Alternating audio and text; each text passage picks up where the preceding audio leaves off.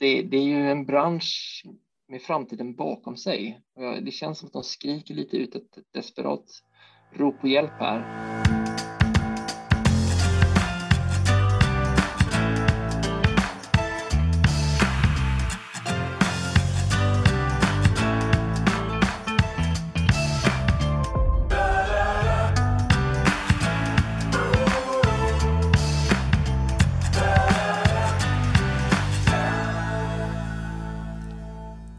Lyssnar på Djurens Rätts podcast på Djurens Sida. Du har väl inte missat att prenumerera på vår podcast? Då missar du aldrig när ett nytt avsnitt släpps i din poddapp. Varmt välkomna till ett nytt avsnitt. Jag som programledare heter Linn Åkesson och är kommunikationschef hos Djurens Rätt. Och idag ska jag, tillsammans med Djurens Rätts generalsekreterare Benny Andersson, bryta ner om händelseutvecklingen i Ukraina och vilka konsekvenser som det för med sig till Sverige. Men innan vi drar igång så är det dags för djurrättssvepet.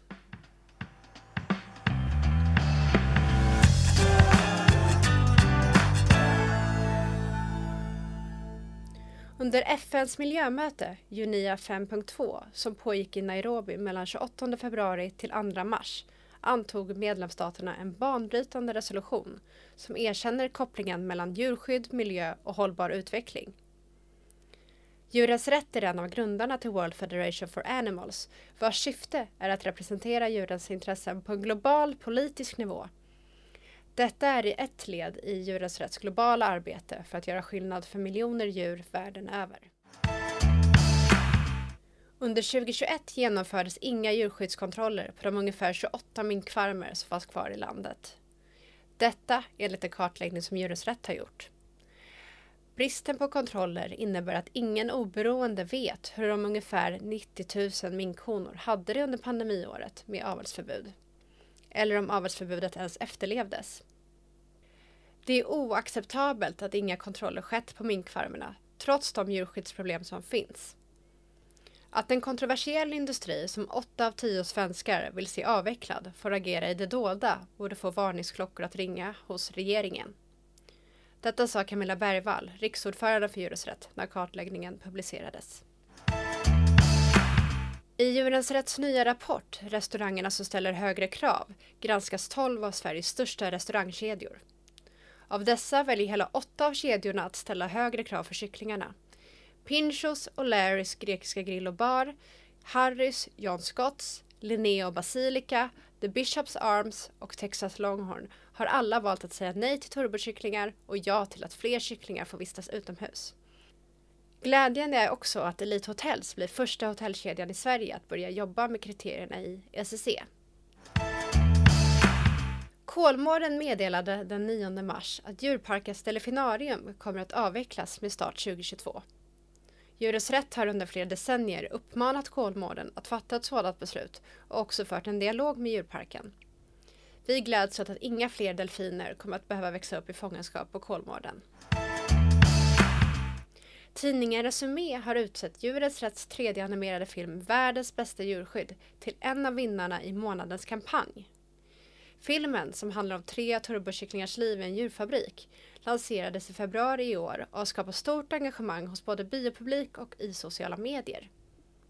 Vill du höra mer om filmen och arbetet bakom den så kan du gå tillbaka till avsnitt 30 av vår podcast.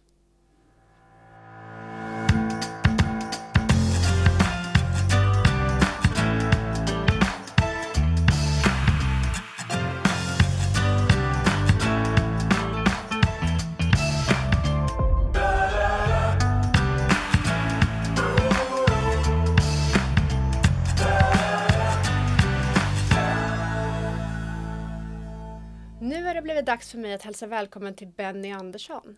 Hej Benny och välkommen tillbaka. Nej men hej och tack för att jag får komma tillbaks. Ja men härligt att ha dig, ha dig tillbaka. Hur, hur mår du idag? Jo men eh, jag mår bra. Det, våren har ju letat sig fram. Eh, så det känns, som, eh, det känns som att det finns lite hopp om årstiden. Ja, men jag, jag, instämmer och det är väl det vi behöver känna nu också, lite, lite hopp i allt annat mörkt som händer. Med bakgrund av den fruktansvärda händelseutvecklingen i Ukraina så ska vi prata idag om vad kriget har fört med sig och eh, vilka konsekvenser vi kan se här i Sverige. Och Benny, först vill jag fråga dig. Vi har fått eh, väldigt många frågor de senaste veckorna om hur man kan hjälpa till och vad Djurens Rätt gör för alla de djur som drabbats av krigets framfart. Vad vill du säga till de som undrar över det här? Ja, först och främst är det ju en, är en väldigt rimlig tanke att tänka vad, vad händer med, med alla de djur som också finns i, i samhället när, när det drabbas av krig. Och det som Djurens Rätt har gjort och gör det är att vi driver en insamling där alla insamlade medel eh, oavkortat kommer att gå till, till att hjälpa djuren i Ukraina. Och de pengarna som vi samlar in, de går, de går direkt till att stödja organisationer och volontärer som finns i Ukraina eh, eller runt om Ukraina och på olika sätt försöker vi hjälpa till att minska lidandet för, för alla de djur som drabbas av, av kriget. Eh, så det är både en, en pengainsamling, men vi också under de här veckorna, det är fyra veckor nu när vi spelar in det här, eh, vi har också koordinerat lite olika hjälpsändningar till, till Ukraina med, eh, med eh, djurfoder och annat. Och den som vill skänka en gåva till det här kan göra det eh, på vårt plusgiro. 90 00 63 9. Det finns mer information på Djurens Rätts hemsida också, djurensrätt.se. Men det, det, är det som vi eh, ja, gör just nu och det kommer såklart, vi, vi kommer fortsätta och, och göra vad vi kan för att hjälpa dem som hjälper djuren i Ukraina. Ja, och eh, hur mycket har förmedlats och hur har liksom, gåvorna använts hittills? Ja, tack vare de gåvorna som har kommit in så, så hittills har vi kunnat ge både liksom ekonomiska bidrag och förnödenheter till ett värde av omkring eh, en halv miljon kronor. Eh, de har förmedlats till organisationer och volontärer i och kring Ukraina. Eh, och vi jobbar ju med med ukrainska partners som vi haft, alltså sådana som vi haft goda kontakter med innan kriget. Och nu i den här situationen så tillsammans med dem så jobbar vi för att nå ut med stöd till olika behövande djurhem och volontärer som annars går lite under radarn. Eh, det är, det är genom våra ukrainska partners som vi når liksom ett steg till ner i civilsamhället. Ehm, så det, I vissa fall så är det enskilda personer som eh, just nu tar hand om hundratals djur ehm, som gör det på. De är, det är inte liksom enskilda organisationer som gör det, utan det är, det är privatpersoner som som engagerar sig och försöker hjälpa här nu i den här situationen som är. Och det är de framförallt som vi som vi har fokuserat på att försöka hjälpa. Tack för det. Eh, och eh, ja, men det har ju också uppmärksammats nu i media att priset på djurfoder ökar till bakgrund av krigets framfart. Och vi har ju hört grisbönder som beklagar sig över att de förlorar pengar på varje slaktad gris. Vad har du att säga om det här? Det viktigaste är, det är att komma ihåg att det, är, det vi har är inte en livsmedelskris först och främst, det är en foderkris. Så eh, det är det som är problematiskt nu för, för djurfabrikerna, att foderpriserna går upp.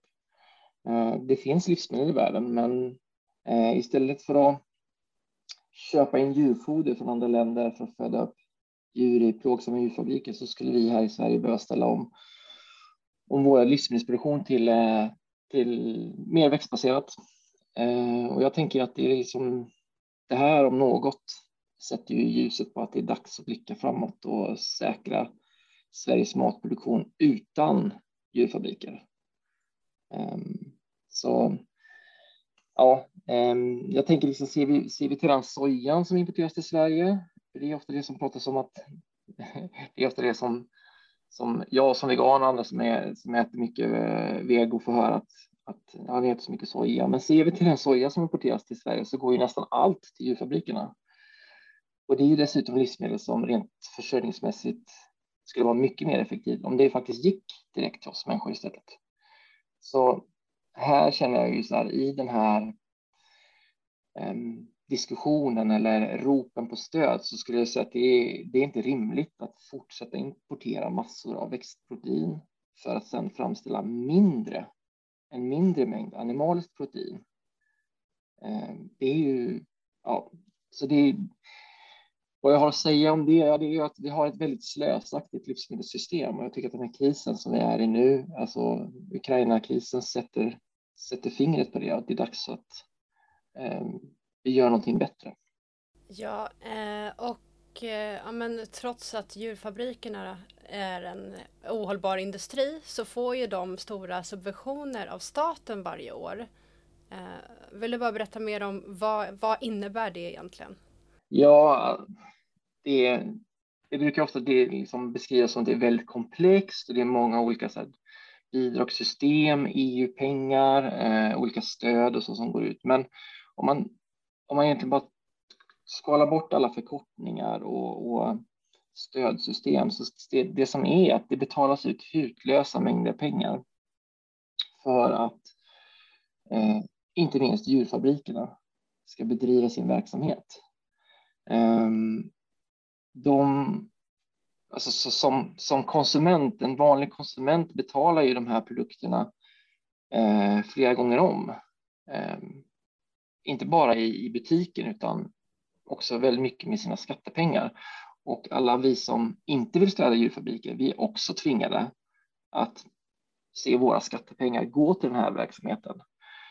Eh, och det känns ganska bakvänt när vi ser att allt fler konsumenter efterfrågar växtbaserat, men att det ändå görs väldigt små, nästan snudd på minimala satsningar kring det här på statlig nivå.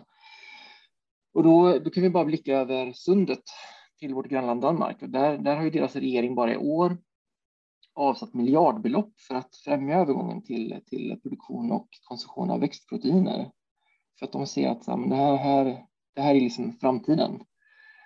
Eh, men i Sverige så här långt i år så är det ju djurfabrikerna som har, som har fått en extra miljard och, eh, den var ju riktad specifikt i det närmaste till grisproduktion eh, och kycklingproduktion, alltså de mest intensiva djurhållningen vi har. Och det var ju rena, alltså rena bidrag utan någon, någon form av motprestation. Så det, det, ja, det, det är ju som jag ser det, Djurens Rätt ser det, det är ett helt felaktigt sätt att använda våra skattepengar. Vi ska ju främja en hållbar livsmedelsproduktion, inte befästa 1900-talssystem som, som bygger på djurplågeri och, och ja, men dålig resurshantering. Mm. Ja, det är helt, helt sjukt att tänka på att även om man som individ väljer bort eh, animalier och äter växtbaserat att liksom våra skattepengar går till att stödja de här eh, ohållbara och fruktansvärda djurfabrikerna. Det är, ja, det är sjukt. det, det, jag tycker att det, det kan ju få pulsen att, att gå upp på mig i alla fall när jag tänker liksom på hur, hur det här systemet är riggat. Att det är liksom riggat till djurfabriken eller djurindustrins fördel hela tiden. Eh, och det är det som vi verkligen måste, ja, vi måste ju liksom nå en, nå en, det måste ske en förändring där. Ja men verkligen. Eh, och ja, men något annat som inte riktigt så här går ihop det är ju att i Sveriges livsmedelsstrategi så är målet att vi ska öka vår produktion av kött. Eh, och detta trots att det är en ohållbar industri och att djurfabrikerna är en stor bidragande orsak till vår klimatkris. Ja, nej, det stämmer. Det, är, det är helt bakvänt. Ehm, att vi har, att, att, vi å ena sidan ska, ska Sverige jobba för att nå till exempel vissa klimatmål och, och samtidigt så har vi då en livsmedelsstrategi eh, som går ut på att vi ska producera mer av de, den typen av livsmedel som är sämst, både för klimatet men också för djuren. Eh, och de enda som tjänar på det här, alltså de enda som i princip tjänar på det, det är ju de som driver de här eh, företagen, alltså djurfabrikerna. Det är ju ingen annan som, som tjänar på det här. Um, så den stora majoriteten av oss i Sverige förlorar ju på den här eh, livsmedelsstrategin. Eh, även om inte vi, vi ser det, liksom, vi ser det inte i vår vardag, men, men i det långa loppet så går det inte alls ihop. Mm. Ja, och vi har ju varit inne lite på det här med eh, grisar i djurfabrikerna då. och på senaste tiden så har vi ju kunnat läsa om att Sveriges grisföretagare marknadsför att genom att välja griskött så gör det det enklare att välja vegetariskt. Eh, spontant så känner jag det går väl inte ihop. nej, nej både, både spontant och om man tänker lite extra så, så gör det väl inte det. Alltså det är, det är så otroligt märkligt och, och vilseledande påstående. Eh, jag visste faktiskt inte om jag skulle skratta eller gråta när, jag såg det första gången, men jag tror att jag valde att mest, mest skratta åt delandet. Nej, men det, det enklaste för den som vill ställa om till en mer växtbaserad kost. Det, det, det känns ju töntigt att säga det alltså, men det är såklart att välja just växtbaserat. Mm. Så jag tänker liksom kött från grisar eh, som föds upp i djurfabriker.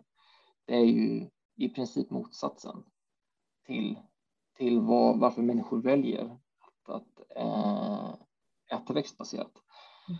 Så vi, jag, tänker, jag tänker vi ser också en stadigt sjunkande konsumtion av griskött i Sverige. Det är inte så att det är, det, det är ju en bransch med framtiden bakom sig. Det känns som att de skriker lite ut ett desperat rop på hjälp här, att de försöker vända någon slags nedåtgående trend som, eh, ja, som, är, som är väldigt positiv för djuren. Um, så, men eh, om man, om man tänker så här, om man vill göra, om man vill ska man säga, göra det enkelt att välja vegetariskt, då tycker jag att man ska gå in på Djurens Rätt sajt. Väljvego.se för lite mer peppigare och mer rimlig inspiration än uh, recept på grisköttskakor. ja. ja. ja. Ja men bra, bra tips. Um, ohållbara och plågsamma djurfabriker det är ju tyvärr något som det finns gott om idag. Uh, fram till 2021 så har köttkonsumtionen i Sverige minskat. Uh, men trenden har nu dessvärre vänt för kycklingarna då främst. Uh, konsumtionen av kycklingkött är efter 2021 tillbaka på nivåer som det var innan pandemi enligt ny statistik från Jordbruksverket. Och det innebär att fler kycklingar har mist livet i djurfabriker jämfört med året innan Eh, och hur, ja, det här är också så här, tråkig grej, så här, hur, hur har vi hamnat här egentligen?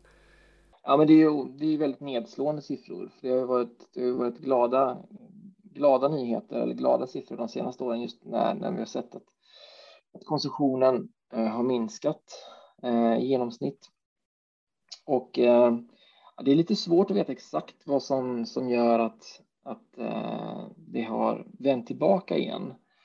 Ehm, men klart, det kan ju vara, det kan ju ha saker som att, säga, när samhället öppnar upp och eh, ska man säga, beteendemönster förändras. Eh, restaurangbesök, alltså vad, restaurangvanor eller, eller ska man säga, måltidsvanor förändras eh, när vi har liksom en återgång till lite mer som det var innan pandemin. Det är ju en, en tänkbar faktor så. Men, eh, men eh, om vi tänker liksom hur, hur vi ska ta oss bort från det här så är det ju, det vi måste ju för att åstadkomma en, en mer hållbar livsmedelsproduktion så måste vi ju eh, halvera köttkonsumtionen minst sett till antal individer senast 2030. Och det är ju om, både om vi ser ur ett djuretiskt men också inte minst ett klimatmässigt perspektiv. Um, så det, det, det är ju, ja, det är ju milt uttryckt upprörande att så ofantligt många individer får sätta livet till på grund av något så trivialt som att äta kött. Eh, men det, det är ju också det är därför som vi att vi jobbar ju det. Vi jobbar med det här varje dag för att göra skillnad för de som är de djur som är flest och har det sämst. Och eh, ja, det, det kommer vi få fortsätta göra. Mm, verkligen och eh, ja, men samtidigt då som konsumtionen av kycklingkött har ökat så har konsumtionen av övriga djurslag, mejeriprodukter och ägg minskat. Eh, det väger dock inte upp i antal djurliv som den ökande konsumtionen av kycklingkött eh, tagit under 2021 eftersom att kycklingar är så ofantligt många. Mm. Ja, men precis. Det, och det, är, det, är ju, det är ju superpositivt att efterfrågan på kött från nötdjur och grisar liksom eh, äggätandet, att det, det minskar hos svenska konsumenter. Men som du säger, det är ju liksom framförallt kyckling som vi, eh, som vi behöver välja bort från tallriken. För det, det är ju de djur som det föds upp, föds upp flest av. Och också under liksom, totalt sett skulle jag säga ja, sämst förhållanden och ja, men som jag sa innan, så det är ju därför som vi så envist, liksom Djurens Rätt så envist jobbar med att visa upp kycklingarnas situation, men också visa på de här, vad det rent konkret behöver göras för att komma bort från det här. Och det är ju flera saker som behöver ske. Um, våra politiker, även det är ju valår i år också kan jag påminna uh, alla om, om, ingen, om, om någon hade missat det. Eh, men våra politiker måste göra, göra det enklare att välja djurvänligt. Då får man ju man kan börja med att sluta dopa djurfabrikerna med våra skattepengar som jag var inne på innan här och, och istället sätta upp tydliga mål om minskad köttkonsumtion. Eh, företag eh, har ju en otrolig inverkan på vad vi konsumerar. De kan sätta reduktionsmål i sina verksamheter eller välja vego som norm. Och så måste vi vanliga konsumenter ställa om till växtbaserat och välja bort kycklingarna från tallriken det är ju liksom flera olika steg här, men gör vi det eh, så, eh, så kommer det göra stor skillnad. Ja, men det här är, det är väldigt tunga ämnen som vi eh, pratar om idag. Det känns väldigt mörkt med ja, med skattepengar som går till djurfabriker och kriget som härjar och vad allt det som vad det för med sig. Eh, hur går vi vidare härifrån? Ja, det är, det är lätt att känna, att, att känna sig motfälld, men en, en viktig sak att ha med sig det är att de här problemen, det är inte, det är inte, det är inte någon naturlag. Det är inte någon naturlag att det ser ut som det gör. Det, utan det, det här är människoskapade problem. Och det som människor kan skapa, det kan vi också skapa om. Och det är just exakt därför som djurens rätt finns. Eh, vi vill ju få det här att hända. Vi vill ju få den här förändringen att ske, att helt enkelt omforma vårt samhälle och vårt förhållningssätt till de andra djuren. Så jag känner mig faktiskt ändå positiv i allt det här tråkiga som vi ändå matas med här nu i, i tv och radio, liksom, eh, både vad gäller krig och att djurplågeri bara fortsätter att pågå eh, med, med hjälp av våra skattemedel. Eh, men då kan jag bara slå ett slag för att eh, alla som lyssnar och inte redan gör det, eh, vi kan göra skillnad och genom att stötta Djurens Rätt och vårt arbete för att montera ner djurfabrikerna så kan vi göra skillnad för miljoner djur. Så, men vi behöver bli fler för att kunna göra ännu större skillnad. Så eh, ge inte upp, utan eh, kom med. Ja, men bra, det tycker jag ändå. Vi, vi slutar på något hoppfullt där. Eh, stort tack Benny för att du medverkade idag. Tack själv Linn.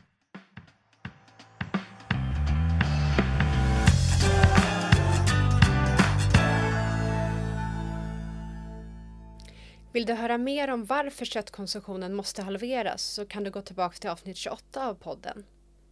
Till sist vill jag tacka dig som har lyssnat idag. Glöm inte att prenumerera på vår podcast. Och det är tack vare våra månadsgivare som vi kan fortsätta göra skillnad för de djur som är flest och har det sämst. Och vi behöver din hjälp mer än någonsin. Gå in på www.djurensrätt.se medlem och bli månadsgivare idag. Stort tack för ditt engagemang och för att du har lyssnat på dagens avsnitt. Vi hörs!